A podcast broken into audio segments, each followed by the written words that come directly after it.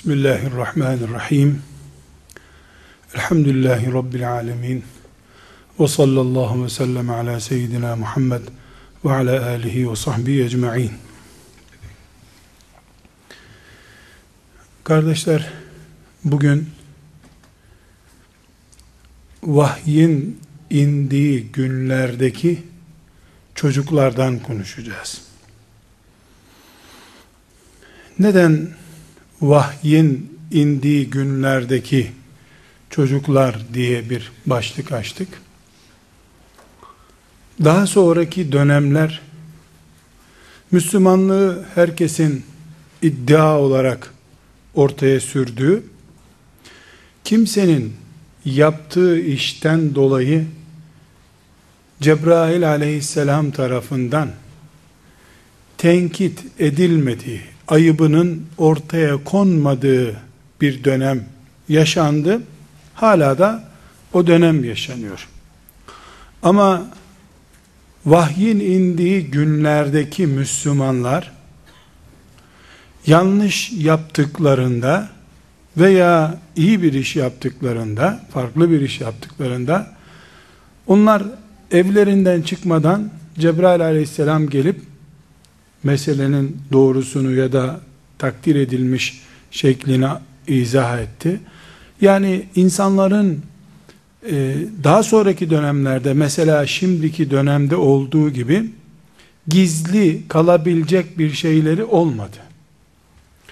Yani insanlar, Müslümanlar Cebrail aleyhisselamın gelmesinden ürkerek yaşadılar sabah namazına cemaate gitmemekten endişe ettiler. Cebrail aleyhisselam filanca adam uyuyor evinde diye bildirir diye korktular. Casuslar bu şekilde yakalandı. Ee, gelip Efendimiz sallallahu aleyhi ve selleme yeminli konuşma yapanlar oldu. Ayet geldi ki onlar yalan konuşuyorlar. İşte münafıklar geldiler. E, iman ettiklerini, mümin olduklarını vesaire açıklamak istediler. Ayet onlar oradan kalkmadan bunlar yalan söylüyor. Yalan söylüyor bunlar dedi.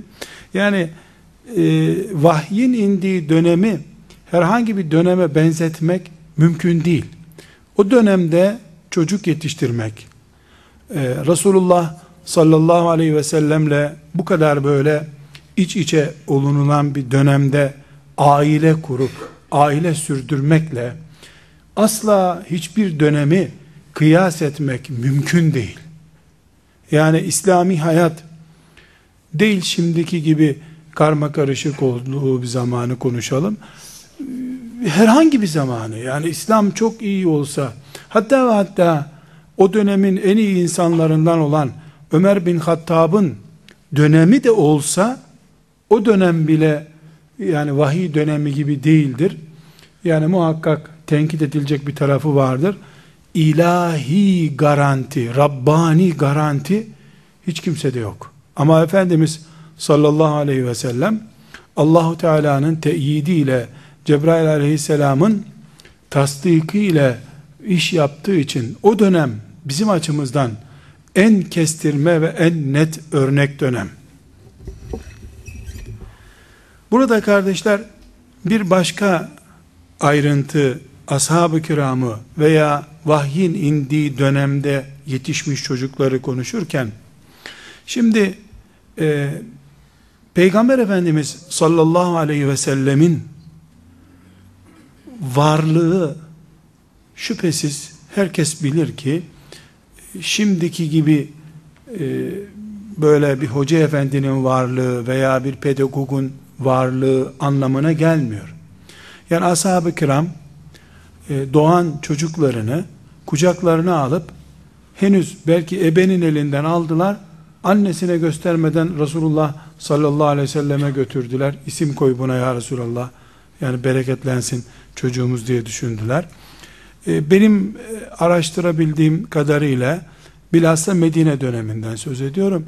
250 civarında çocuk Efendimiz sallallahu aleyhi ve sellemin sağlığında doğmuş ve Efendimiz sallallahu aleyhi ve sellemle e, irtibatlı günlerde doğmuş 250 belki daha fazladır ama ashab-ı kiramın tamamının e, hayat hikayesi, biyografileri bize kadar böyle net bir şekilde ulaşmadı.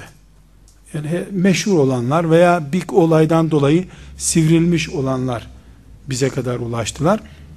Dolayısıyla e, Efendimiz sallallahu aleyhi ve sellemin döneminde 250 civarında çocuk hakkında 3 aşağı 5 yukarı bilgimiz var. Bir kısmının hakkında sayfalar dolusu bilgimiz var. Bir kısmının işte babasının doğumunu, babası tarafından Efendimiz'e bildirildiğini vesaire bir yolla muhakkak Peygamber aleyhisselam Efendimiz'e zamanında doğduğuna dair elimizde bilgiler var. Bu çocuklara ait yani ashabın çocuklarına veya kendisi sahabi olan çocuklara ait bilgiler ve o çocukların geleceği yani ge, geleceği derken Peygamber Efendimiz'den sonraki gelecekleri incelendiğinde Peygamber Aleyhisselam Efendimiz nasıl çocuk yetiştirmek istedi sorusunun cevabını buluyoruz. Maalesef Efendimiz sallallahu aleyhi ve sellemin doğan yedi çocuğundan altı tanesi bildiğiniz gibi kendi sağlığında vefat etti. Sadece kızı Fatıma e, vefatından sonra altı ay daha yaşadı. E, onun dışındaki çocukları yaşamadı. Erkek çocukları zaten beş yaşını bulmadan hep vefat ettiler. Allah'ın hikmetini bileceği bir nedenden dolayı. Şimdi Efendimiz sallallahu aleyhi ve sellem e, kendisi tam anlamıyla mesela Medine'de çocuk yetiştiremedi. Çünkü Fatıma annemiz de Medine'nin ilk günlerinde evlenmiş durumdaydı. E, diğer kızları zaten evliydiler. E, Medine'de Efendimiz sallallahu aleyhi ve sellemin küçük oğlu, en küçük oğlu İbrahim sadece az bir zaman yaşadı.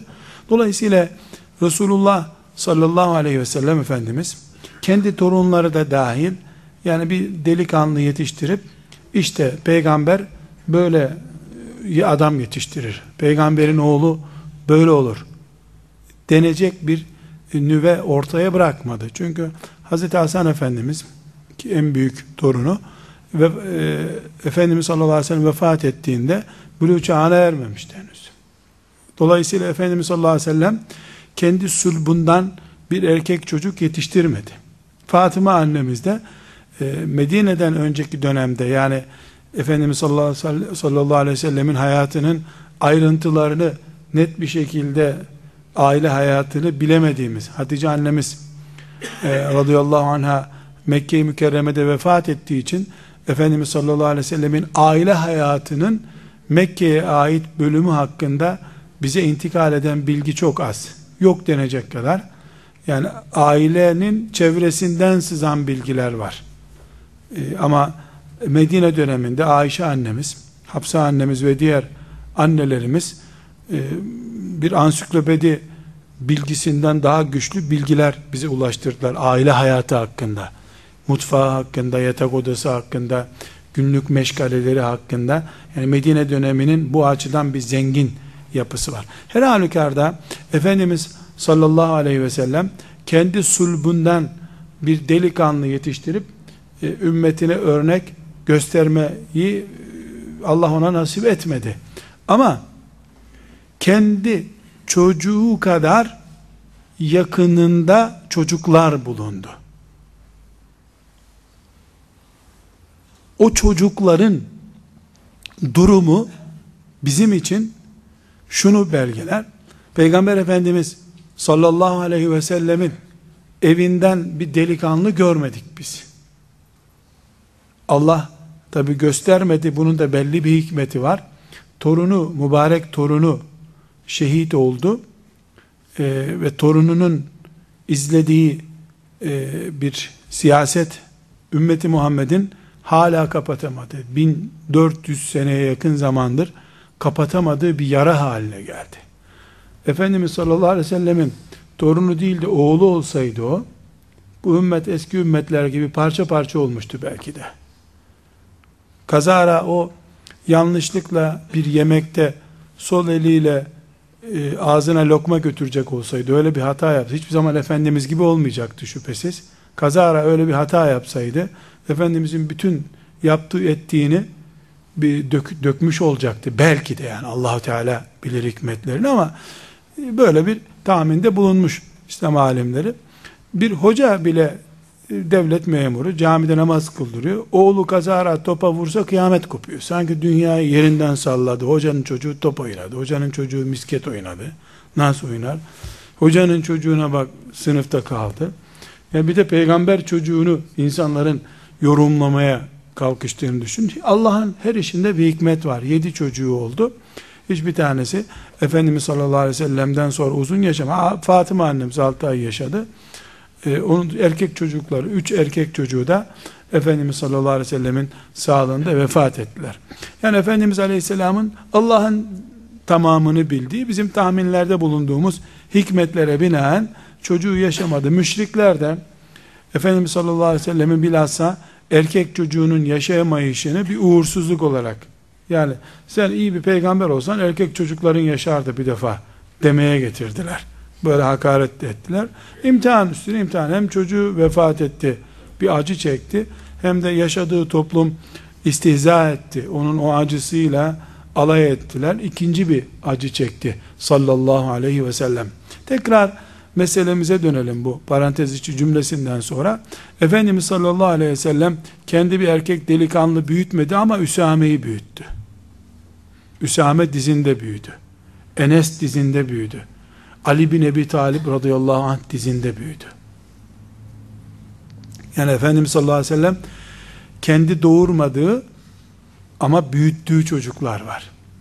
Bugün biz e, Müslümanlar olarak Efendimiz sallallahu aleyhi ve sellem e, evinde bir çocuk büyütseydi bunu nasıl büyütürdüğünün cevabı olan delikanlılarla karşıyız.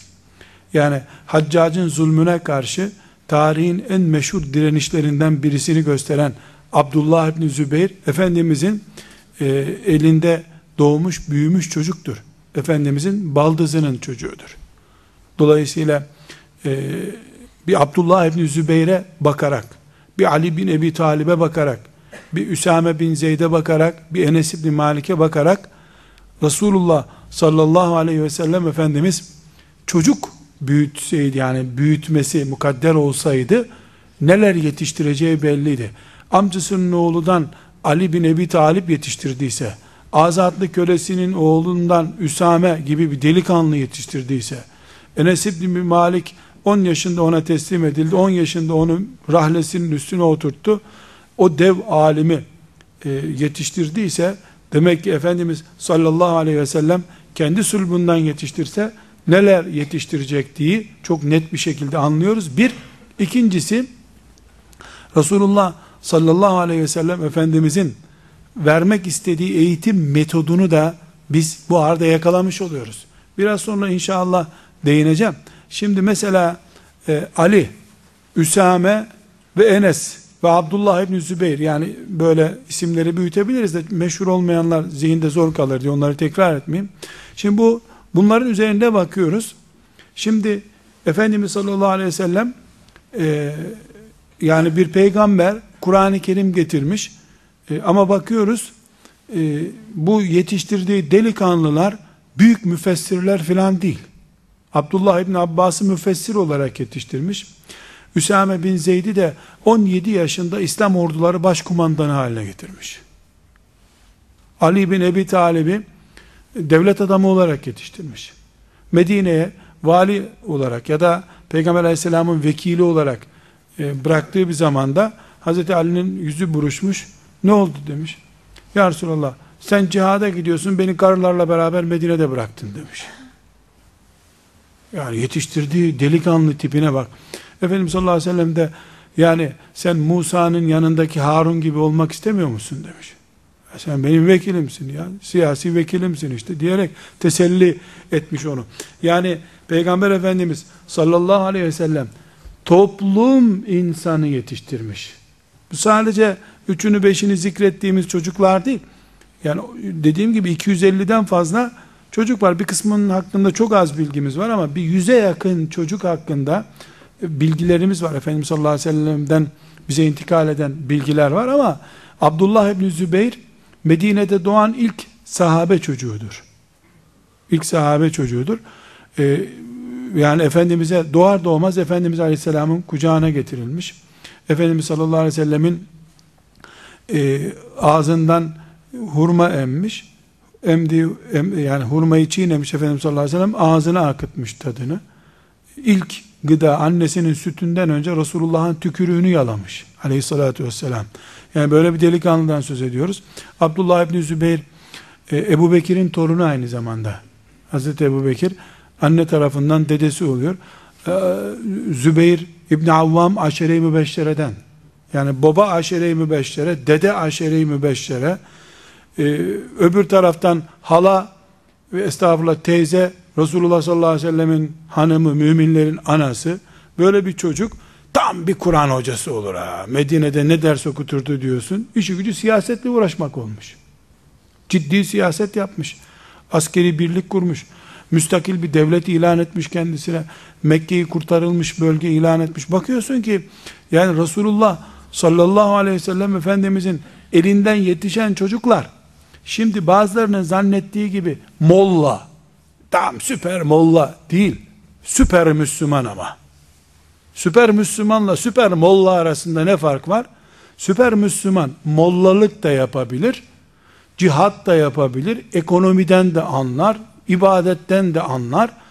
E, evlenir de çocuğu da olur. Süper molla süper molla olur. Başka bir şey olmaz.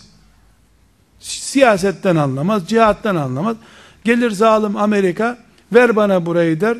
E, sana da bir cami yaptıralım. Bir cami karşılığında Irak'ın bütününü verir ne yapayım ben senin mollalığını sarığın da senin olsun mollalığın da senin olsun Terke cahil olsaydın da küfre bir karış toprak vermem buralardan diyebilseydin. Bildiğin zarardan başka bir şey olmamış sana.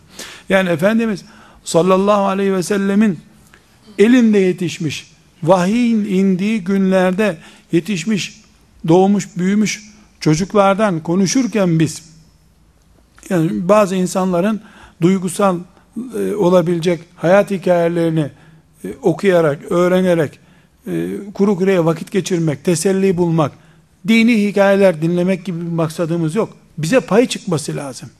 Bize pay çıkmadıktan sonra biz ondan kendimize bir ders, bir uygulama, pratik çıkarmadığımız sürece Efendimiz Aleyhisselam'ın hayatını okumanın da bir yararı yok. Kur'an okumak sevaptır. Şöyle bir ayet var mı? Her kim Resulullah sallallahu aleyhi ve sellemin hayatını üç defa okursa cennete girer. Böyle bir şey yok ki. On bin defa da okusan okuduğunla kalırsın. Kur'an'ı bir harfine sevap veriyor Allah. Siret okumak ibadet değildir. Nerede kaldı ki Abdullah İbni Zübeyir'in hayatını okusan ne olur, ölümünü okusan ne olur? Ders çıkarmak. Yani 40 yaşına gelmemiş bir delikanlının nasıl Allah için cihada kalkıştığını, nasıl tek başına İslam'ı kurtarma hamlesine giriştiğini anlarsan Abdullah İbni Zübeyir'den, ah o zaman işte.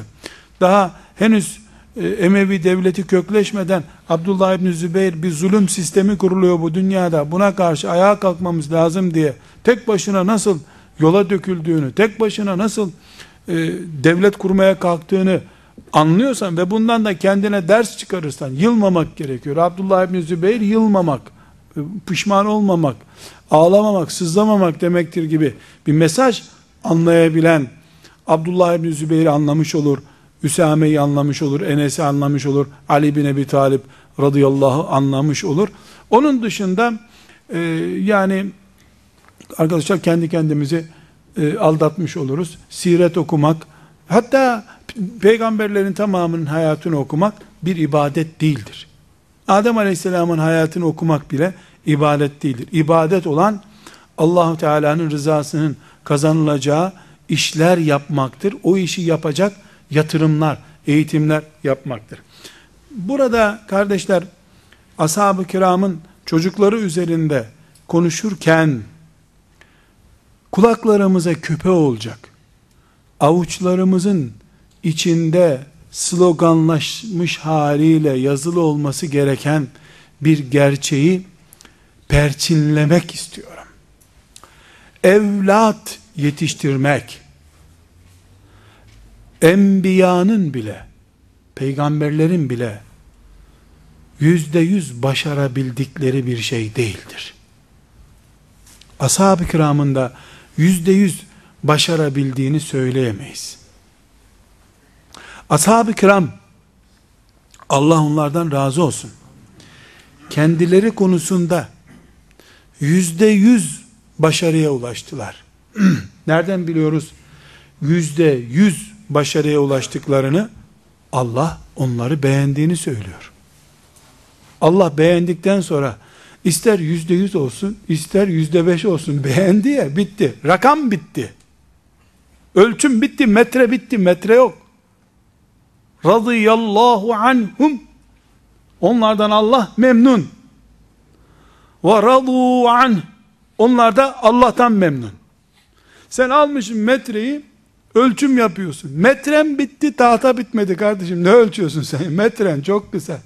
Yani yüzde yüz mü, yüzde yetmiş mi hiç önemli değil. Allah razı olmuş, beğenmiş. 124 bin peygamberin hiçbir tanesinin görmediği vefayı Resulullah sallallahu aleyhi ve selleme göstermişler. Allah da onlardan razı olmuş. Hatalarına, günahlarına, kırdıkları, döktükleri çanağa rağmen Allah onlardan razı olmuş. Yani kendileri konusunda cihatta, ibadette, ihlasta, ilimde, gayrette, her konuda Allah onlardan memnun oldu. Çok başarılı oldular. Lakin kardeşler, ashab-ı kiram çocuk yetiştirme konusunda umduklarını bulamadılar. Bulsalardı eğer bulsalardı mesela yüz küsür bin sahabi var yüz küsür bin sahabideki randıman çocuklarına intikal etseydi her birinin 5-10 çocuğu var onların. Bu 20 sene sonra onlar öldüğünde bu 100 bin Allah'ın razı olduğu insanın 1 milyon olması lazımdı en azından. Bu rakam öyle olmadı. Evet, onların izinden çok iyi giden, iyi yetiştirdikleri Abdullah İbni Abbas gibi güzel kaliteli insanlar oldu. Yani kaliteli kimseler oldu ama maalesef onların kalitesinde değil. Hani şimdi yaşlılar bizimle konuşurken yahu siz adam mısınız be bizim zamanımız şöyle güzeldi böyle güzeldi diye hikaye anlatıyorlar ya ben onların dedesini mezardan kaldırabilsem de bir de onlar onlara ne dediğini öğrenebilseydim. Şimdi onlar Asıp kesiyorlar. Biz şöyle iyiydik, böyle iyiydik. Bizim düğünlerde terbiye vardı. Lan senin zamanında düğün mü vardı ya? İki arpa çorbası yapıp millete veriyorlardı. İki de işte tabanca çıktıysa o zaman tabanca atışı yapılıyordu. Al sana düğün işte. Ya sen düğün mü gördün? Zaman mı gördün? imkanın mı vardı? İnternetin mi vardı senin kardeşim? Ne ne konuş? Köyünüzde araba mı vardı? Kanı bile yoktu sizin köyde. Kaç çeşme vardı da Erkekler kızlara o çeşmelerde laf atacaktı. Şimdi köylerde bile internet kahve var, rezalet var. Yani tutturmuşlar bizim zamanımızıydı. Senin deden mezardan kalksa da senin hakkındaki yorumlarını bir anlatsa ben bilirdim ne dinleyeceğim o zaman. Yani ashab-ı kiram içinde aynı mantık var. Yani onlar bir kalite tutturdular. Bu kaliteden Allah memnun oldu. Beğendi. Fakat çocukları o kaliteyi tutturamadılar. Mesela Abdullah, Abdullah İbni Ömer, Ömer bin Hattab'ın oğlu, neredeyse babasının ayarında diye herkesin ittifakı var. Yani babası olmasa da olur Abdullah var nasıl olsa. Ama Ömer'in bir tane Abdullah diye oğlu yok ki. Kaç tane oğlu var? Gerisi nerede? Gerisi öyle meşhur değil. Evet, Zübbe de değiller. Babasına leke de olmadılar belki ama Abdullah gibi Ömer kalitesinde değiller. Bir düşüş olmuş. Bu düşüş binde bir oranında ise bile binde bir oranında ise bile aşağı doğru gelindiğinde bir kere yuvarlanma başladığı için çığ düştüğü için aşağı doğru ashab-ı kiram çocuklarına inerken çocuklarında onların kalitesi binde bir oranında bile düşüş gösterdiği için eğer o kadarsa bile onların çocukları yani ashabın torunlarında bu rakam binde elliye binde yüze çıktı. Ashabın torunlarının çocuklarına biraz daha büyüyerek gitti. İşte bunun için bu aşağı iniş süreci hep hızlı bir şekilde devam ettiği için babalarımız bize tembel diyor. Biz neydik be çarıkla tarlaya giderdik siz züppe evde oturuyorsunuz diyorlar. Onlara da babaları biz eve gelmezdik siz niye gece eve geliyorsunuz diyordu. Ama onu söylemiyorlar tabi o hatıra. Babaların onlara ne söylediğini bize söylemiyorlar. Çare yok. Bir yuvarlanma aşağıya doğru gidiyor. Ama buna rağmen şimdi ashab-ı kiram ve çocukları ve onların çocuklarının çocukları yani böyle bir yuvarlanma var diye e, madem yuvarlanma gidiyor olduğu kadarına razıyız da demediler. Önemli bir ayrıntı bu. Yuvarlanma var veya yok o kendi kalitesinde mücahit yetiştirmeye kalktı. Kendi kalitesinde ibadet yapan oğlu olsun, torunu olsun istedi. Olması gereken de bu zaten. Önemli olan benim o kaliteyi gösterip göstermememdir. Peygamberler, binlerce peygamber var. Bunların bir kısmı Kur'an-ı Kerim'de anlatılıyor. Yani bunların babasının yerini dolduracak oğlu olan bir çocuk hala yok tarihte. Bu ayrıntıya neden girme ihtiyacı hissettik kardeşler? Yani ashab-ı kiramı konuşmuşken hazır, onların manevi e, atmosferinde ve etkisinde konuşurken şunu bilmemizde yarar var. Çocuk bizim ideallerimize, arzularımıza göre yetişmeyecek. Kaderimize göre yetişecek.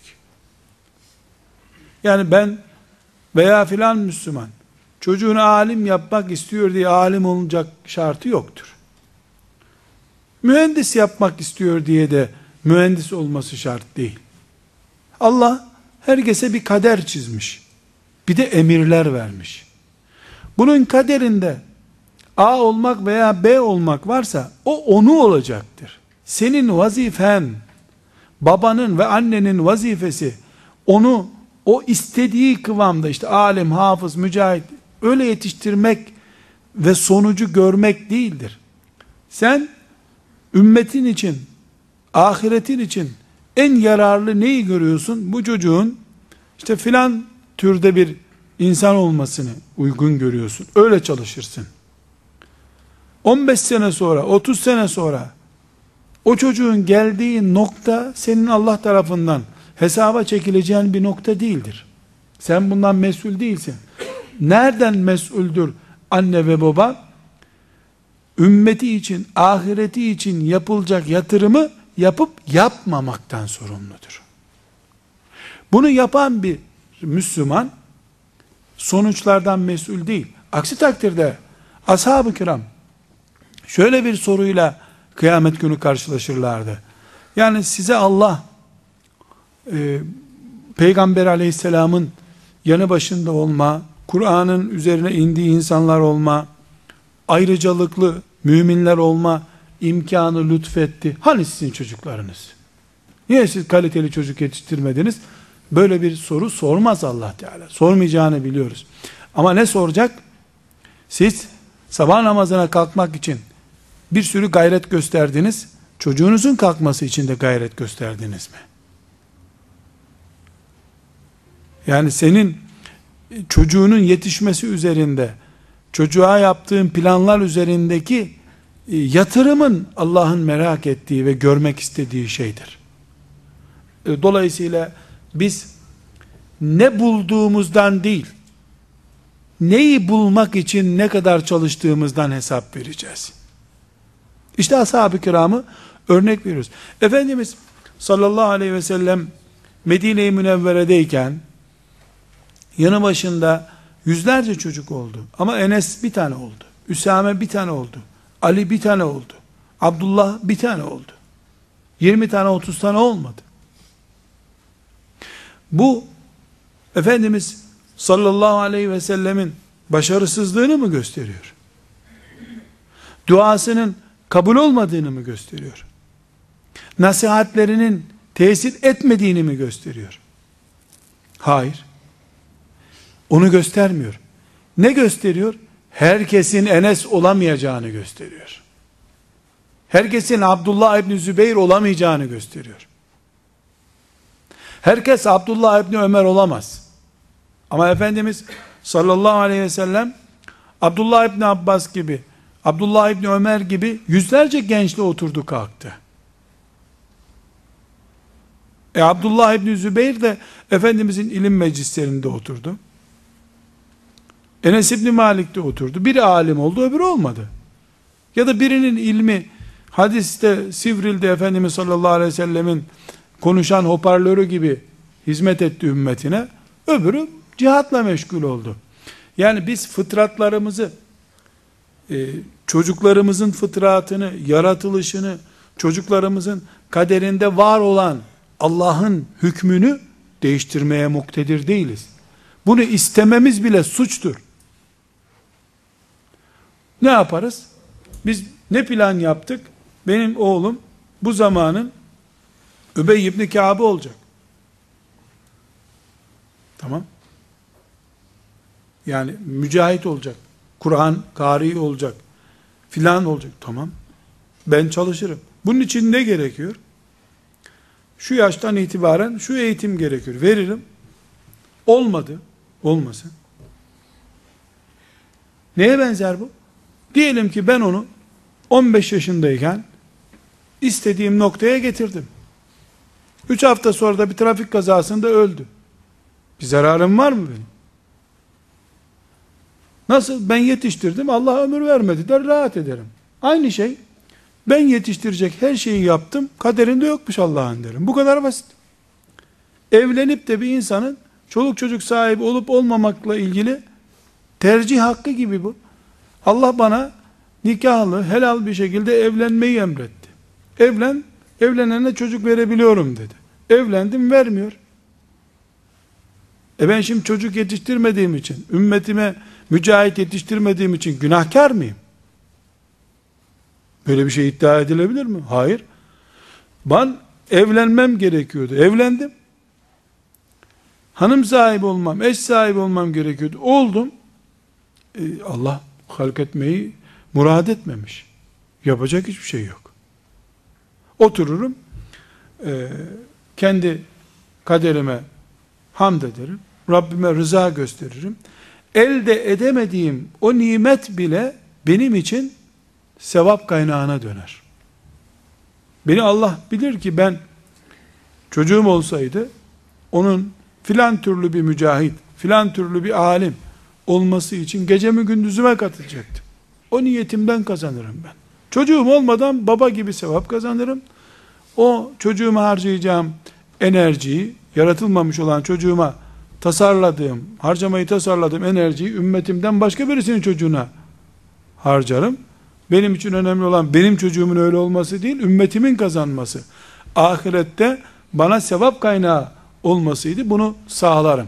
Şimdi bu ayrıntıya niye girdik kardeşler? Çünkü şeytan ashab-ı kiramın Bedir'deki cihadına, Uhud'daki cihadına, Hendek'teki cihadına, Tebuk'teki cesaretine rağmen nesil yetiştirememesini ayıplama konusu olarak bize enjekte edebilir. Mesela şöyle bir çok ileri gitmiş, edep sınırlarını aşmış bir laf dedirtebilir. Yani ashab-ı kiram mücahitlik yaptılar ama eğitim konusunda başarısızdılar. Eğitim konusunda işte beceremediler. Psikoloji bilmiyorlardı filan. Pedagojiden uzaktılar gibi böyle uzayvari bir laf söyletebilir bize. Yanlış mı arkadaşlar?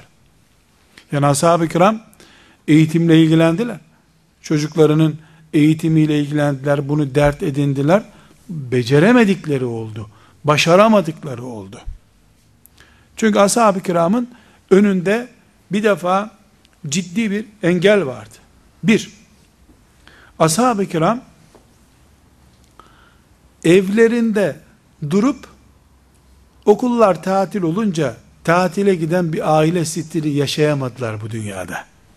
Hiç okulları tatil olmadı o mübareklerin. Her sabah çocukları okula gittiği için onlar arabalarına bilip tatile gidemediler. Evlerine dönemediler arkadaşlar. Bir Irak'a gittiler, bir Yemen'e gittiler, bir Afrika'ya gittiler. O cephe senin, bu cephe benim dolaştılar. Buna rağmen çocukları serseri züppe olmadı. Kalite düştü çocuklarında. Evlerinde otursalardı, yani emekli hacı amcalar olsalardı onlar, ete süte karışma, harem-i şerifte namazını kıl, evine git, hurma bahçenden de zekatını ver, melekler de seni zaten dört göze bekliyorlar diye inansalardı, öyle yapsalardı, çok daha işler yaparlardı. Buna rağmen, büyük bir gerçek var. Ashab-ı kiram, o ekonomik zorluklarına rağmen, cihattan eve gelmeye vakit bulamamalarına rağmen, okutacak okul bulamamalarına rağmen,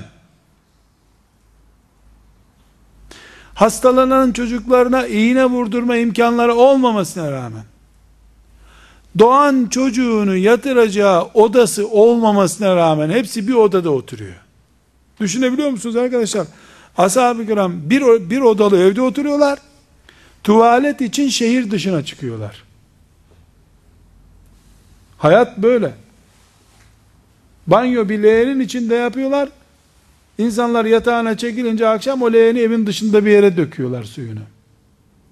Bu hayat şartlarında ikişer, üçer defa evlendiler. Dörder defa evlendiler. Bol bol evlendiler. 10 çocuk, 20 çocuk, 30 çocuk sahibi oldular. Nesil yetiştirdiler. Bu fani alemden gitmeden önce hiç olmasın mümin sayısının arttığını görelim de gidelim diye düşündüler. Çocukları da açtan ölmedi. Dinsiz, imansız da olmadılar.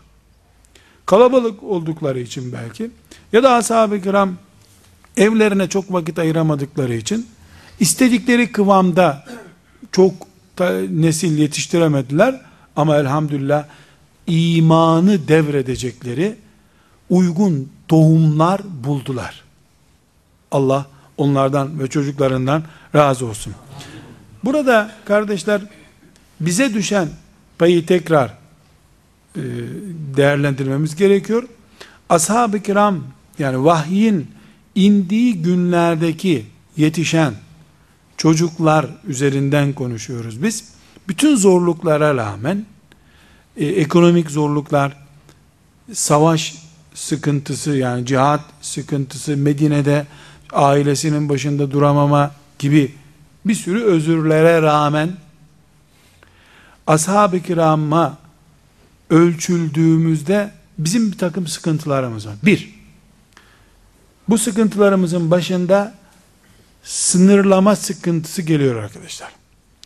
Ashab-ı kiram gibi çocuk sayısından korkuyoruz. Kadınlarımız korkuyor, erkeklerimiz korkuyor. Sanki rızkı biz temin ediyoruz. Hiç Allahu Teala'nın Razzak ismi yok. Rızık bizden. Çalışıyoruz da çocuk doyuyor. Biz çalışmasak çocuk aç kalacak. Mantığıyla hareket edip rızkı endişe ederek doğmamış çocukları bile doğurmamak için mücadele ediyoruz. Becerip Müslümanların bile iki çocuklu olmasını sağladılar. Daha başörtü mitinglerine katılmış kızlar bile başörtü mitingine katılıyor. Allah'ın dini için ölmeye hazır polisle mücadele ediyor. Ona bir nişan teklifi götürüldüğünde ilk soru işin ne? İki çocuktan fazla çocuk istemeyeceksin değil mi? Başlıyor sorular hemen. Hemen test soruları başlıyor. Kazara ne ikisi ne beşi ya Allah Teala'ya ümmet lazım. işte Müslüman lazım. Müslümanlara deyince hemen senin saçın kara, kaşında gözünün üstünde zaten deyip o nişan sona eriyor. Neden? Daha kızcağızlar annelerinin vesvesesi yüzünden, teyzelerinin, çarşaflı teyzelerinin vesvesesi yüzünden, işte biz çocuk çok doğurduk da bakamadık onlara. Hay mübarek be, çok doğurmuş bakamamış. 10 çocuk, 15 çocuk doğurup, iki tane hurma ağacından onları bakanlar insan doğurmadılar mı? Toprak mı yediriyorlardı acıkan çocuklarına? Ne zamandan beri Allah değil de kullar rızık veriyor? İşte sağlık sorunu da var bilmem ne var. Ha, onun için çocuklar iki tane oldu mu bir tanesi pehlivan öbürü izbandut oluyor mübarek. Hiç hastalık geçirmiyorlar.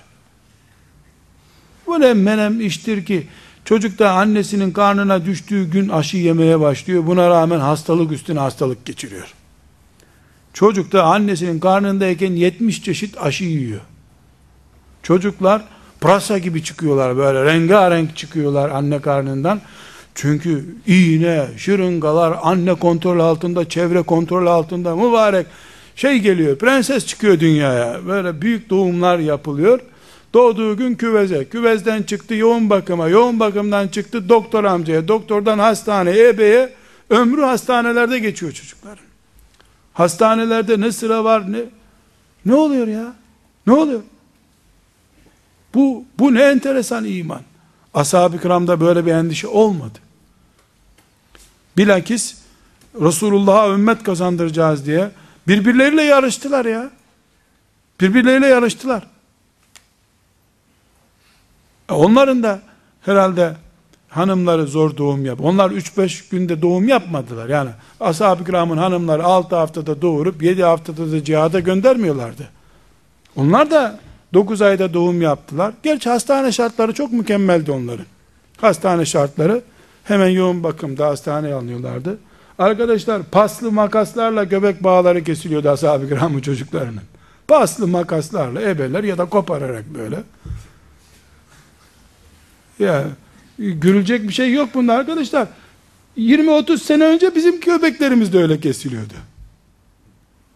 Köye kazara bir berber gelecekti. Oradaki çocukları topluca o gün sünnet edecekti. Berber işte. Biraz önce e, ihtiyarları tıraş ettiği jiletiyle, usturasıyla çocuklar da sünnet ediyordu. Bir Allah kulu yok desin bana. Öyle değildi desin. Mesele hijyenik meselesi filan değil. Kendini gökyüzünden asılmış kandil gibi boş bir şey zannedersen senin hastalığın da bitmez, dertlerin de bitmez.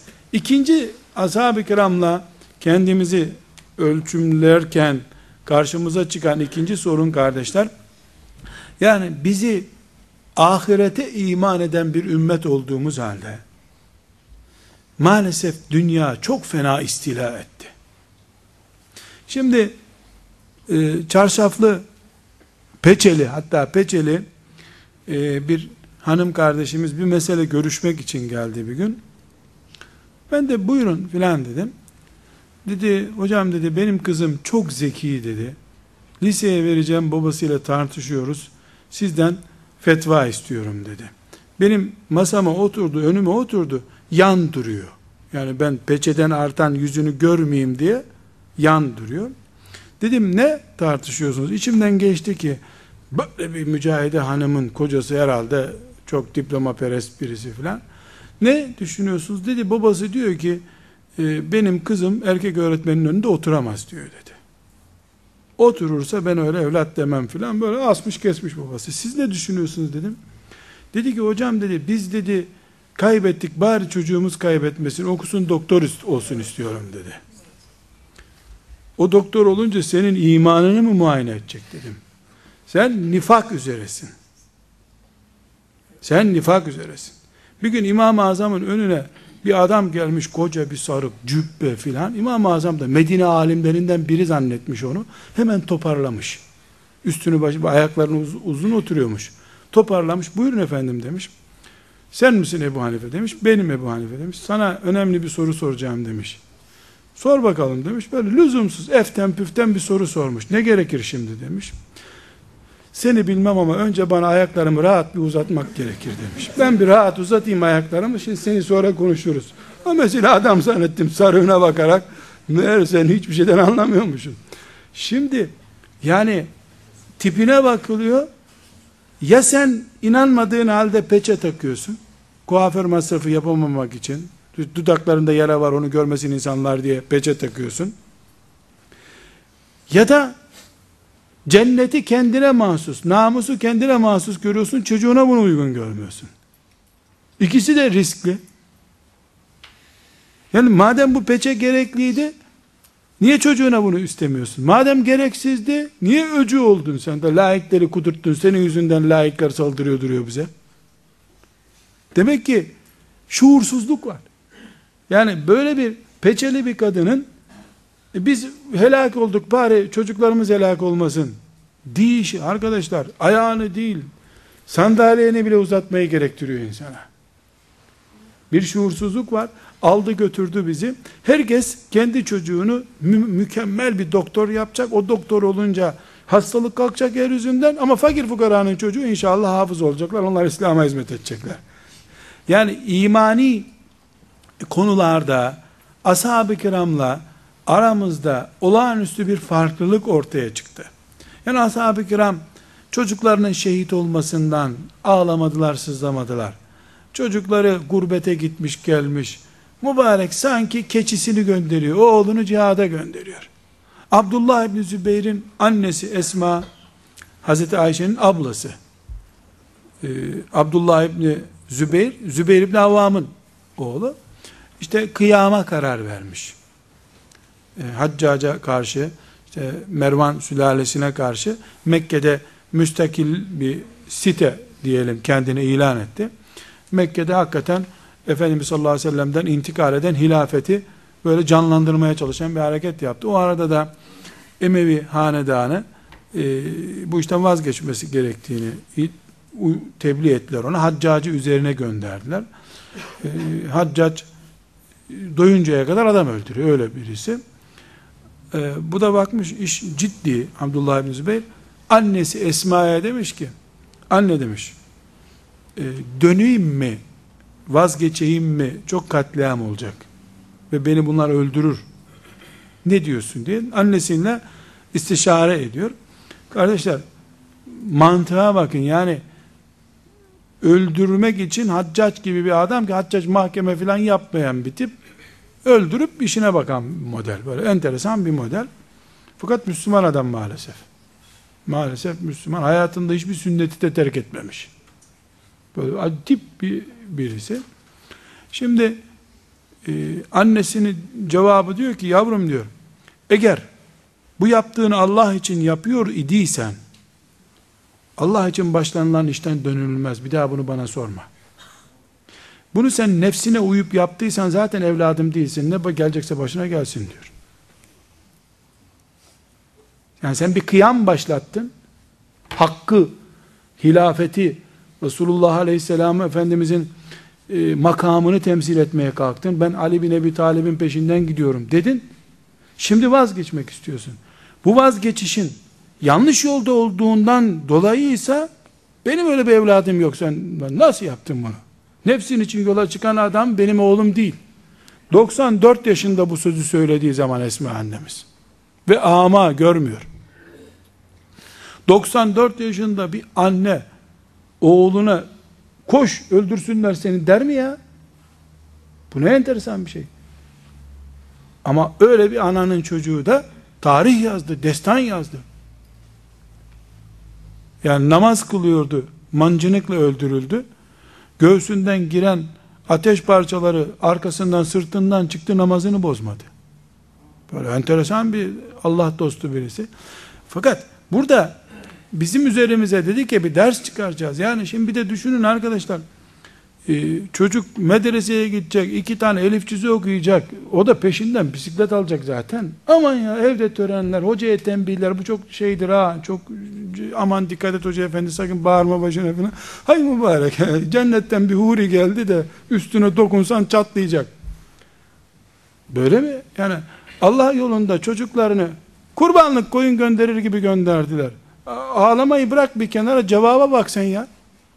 Oğlum dikkat et işte beni de ağlatma filan. 94 yaşında dul bir kadın.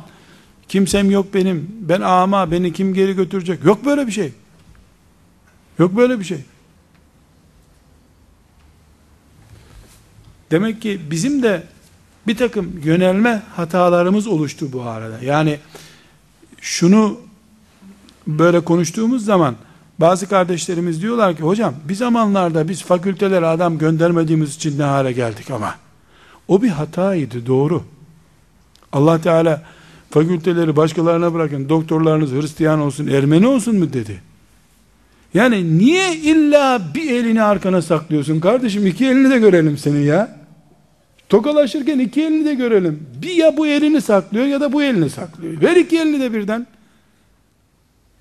Yani bir Kur'an'la ilgilenmek, tıpla ilgilenmemek demek mi? Niye tıpla Kur'an'ı bir aynı masada tutamıyoruz biz? Olmaz bir şey mi? Mesela örnek vereyim arkadaşlar. Mısır'da tıp fakültelerinde hem hafız yetişiyor çocuklar hem mükemmel doktor yetişiyorlar. Avrupa'da görev yapıyorlar. Olabilir bir şey bu.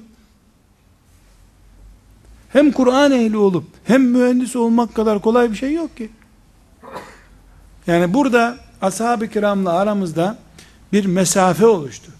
Bu mesafe çocuk yetiştirme açısından özellikle söz ediyorum. Bu mesafe maalesef e, bizi kimi zaman sadece din işte tekkede yetişecek çocuk boş ver gerisini diyeceğimiz bir yanlış yöne çekti.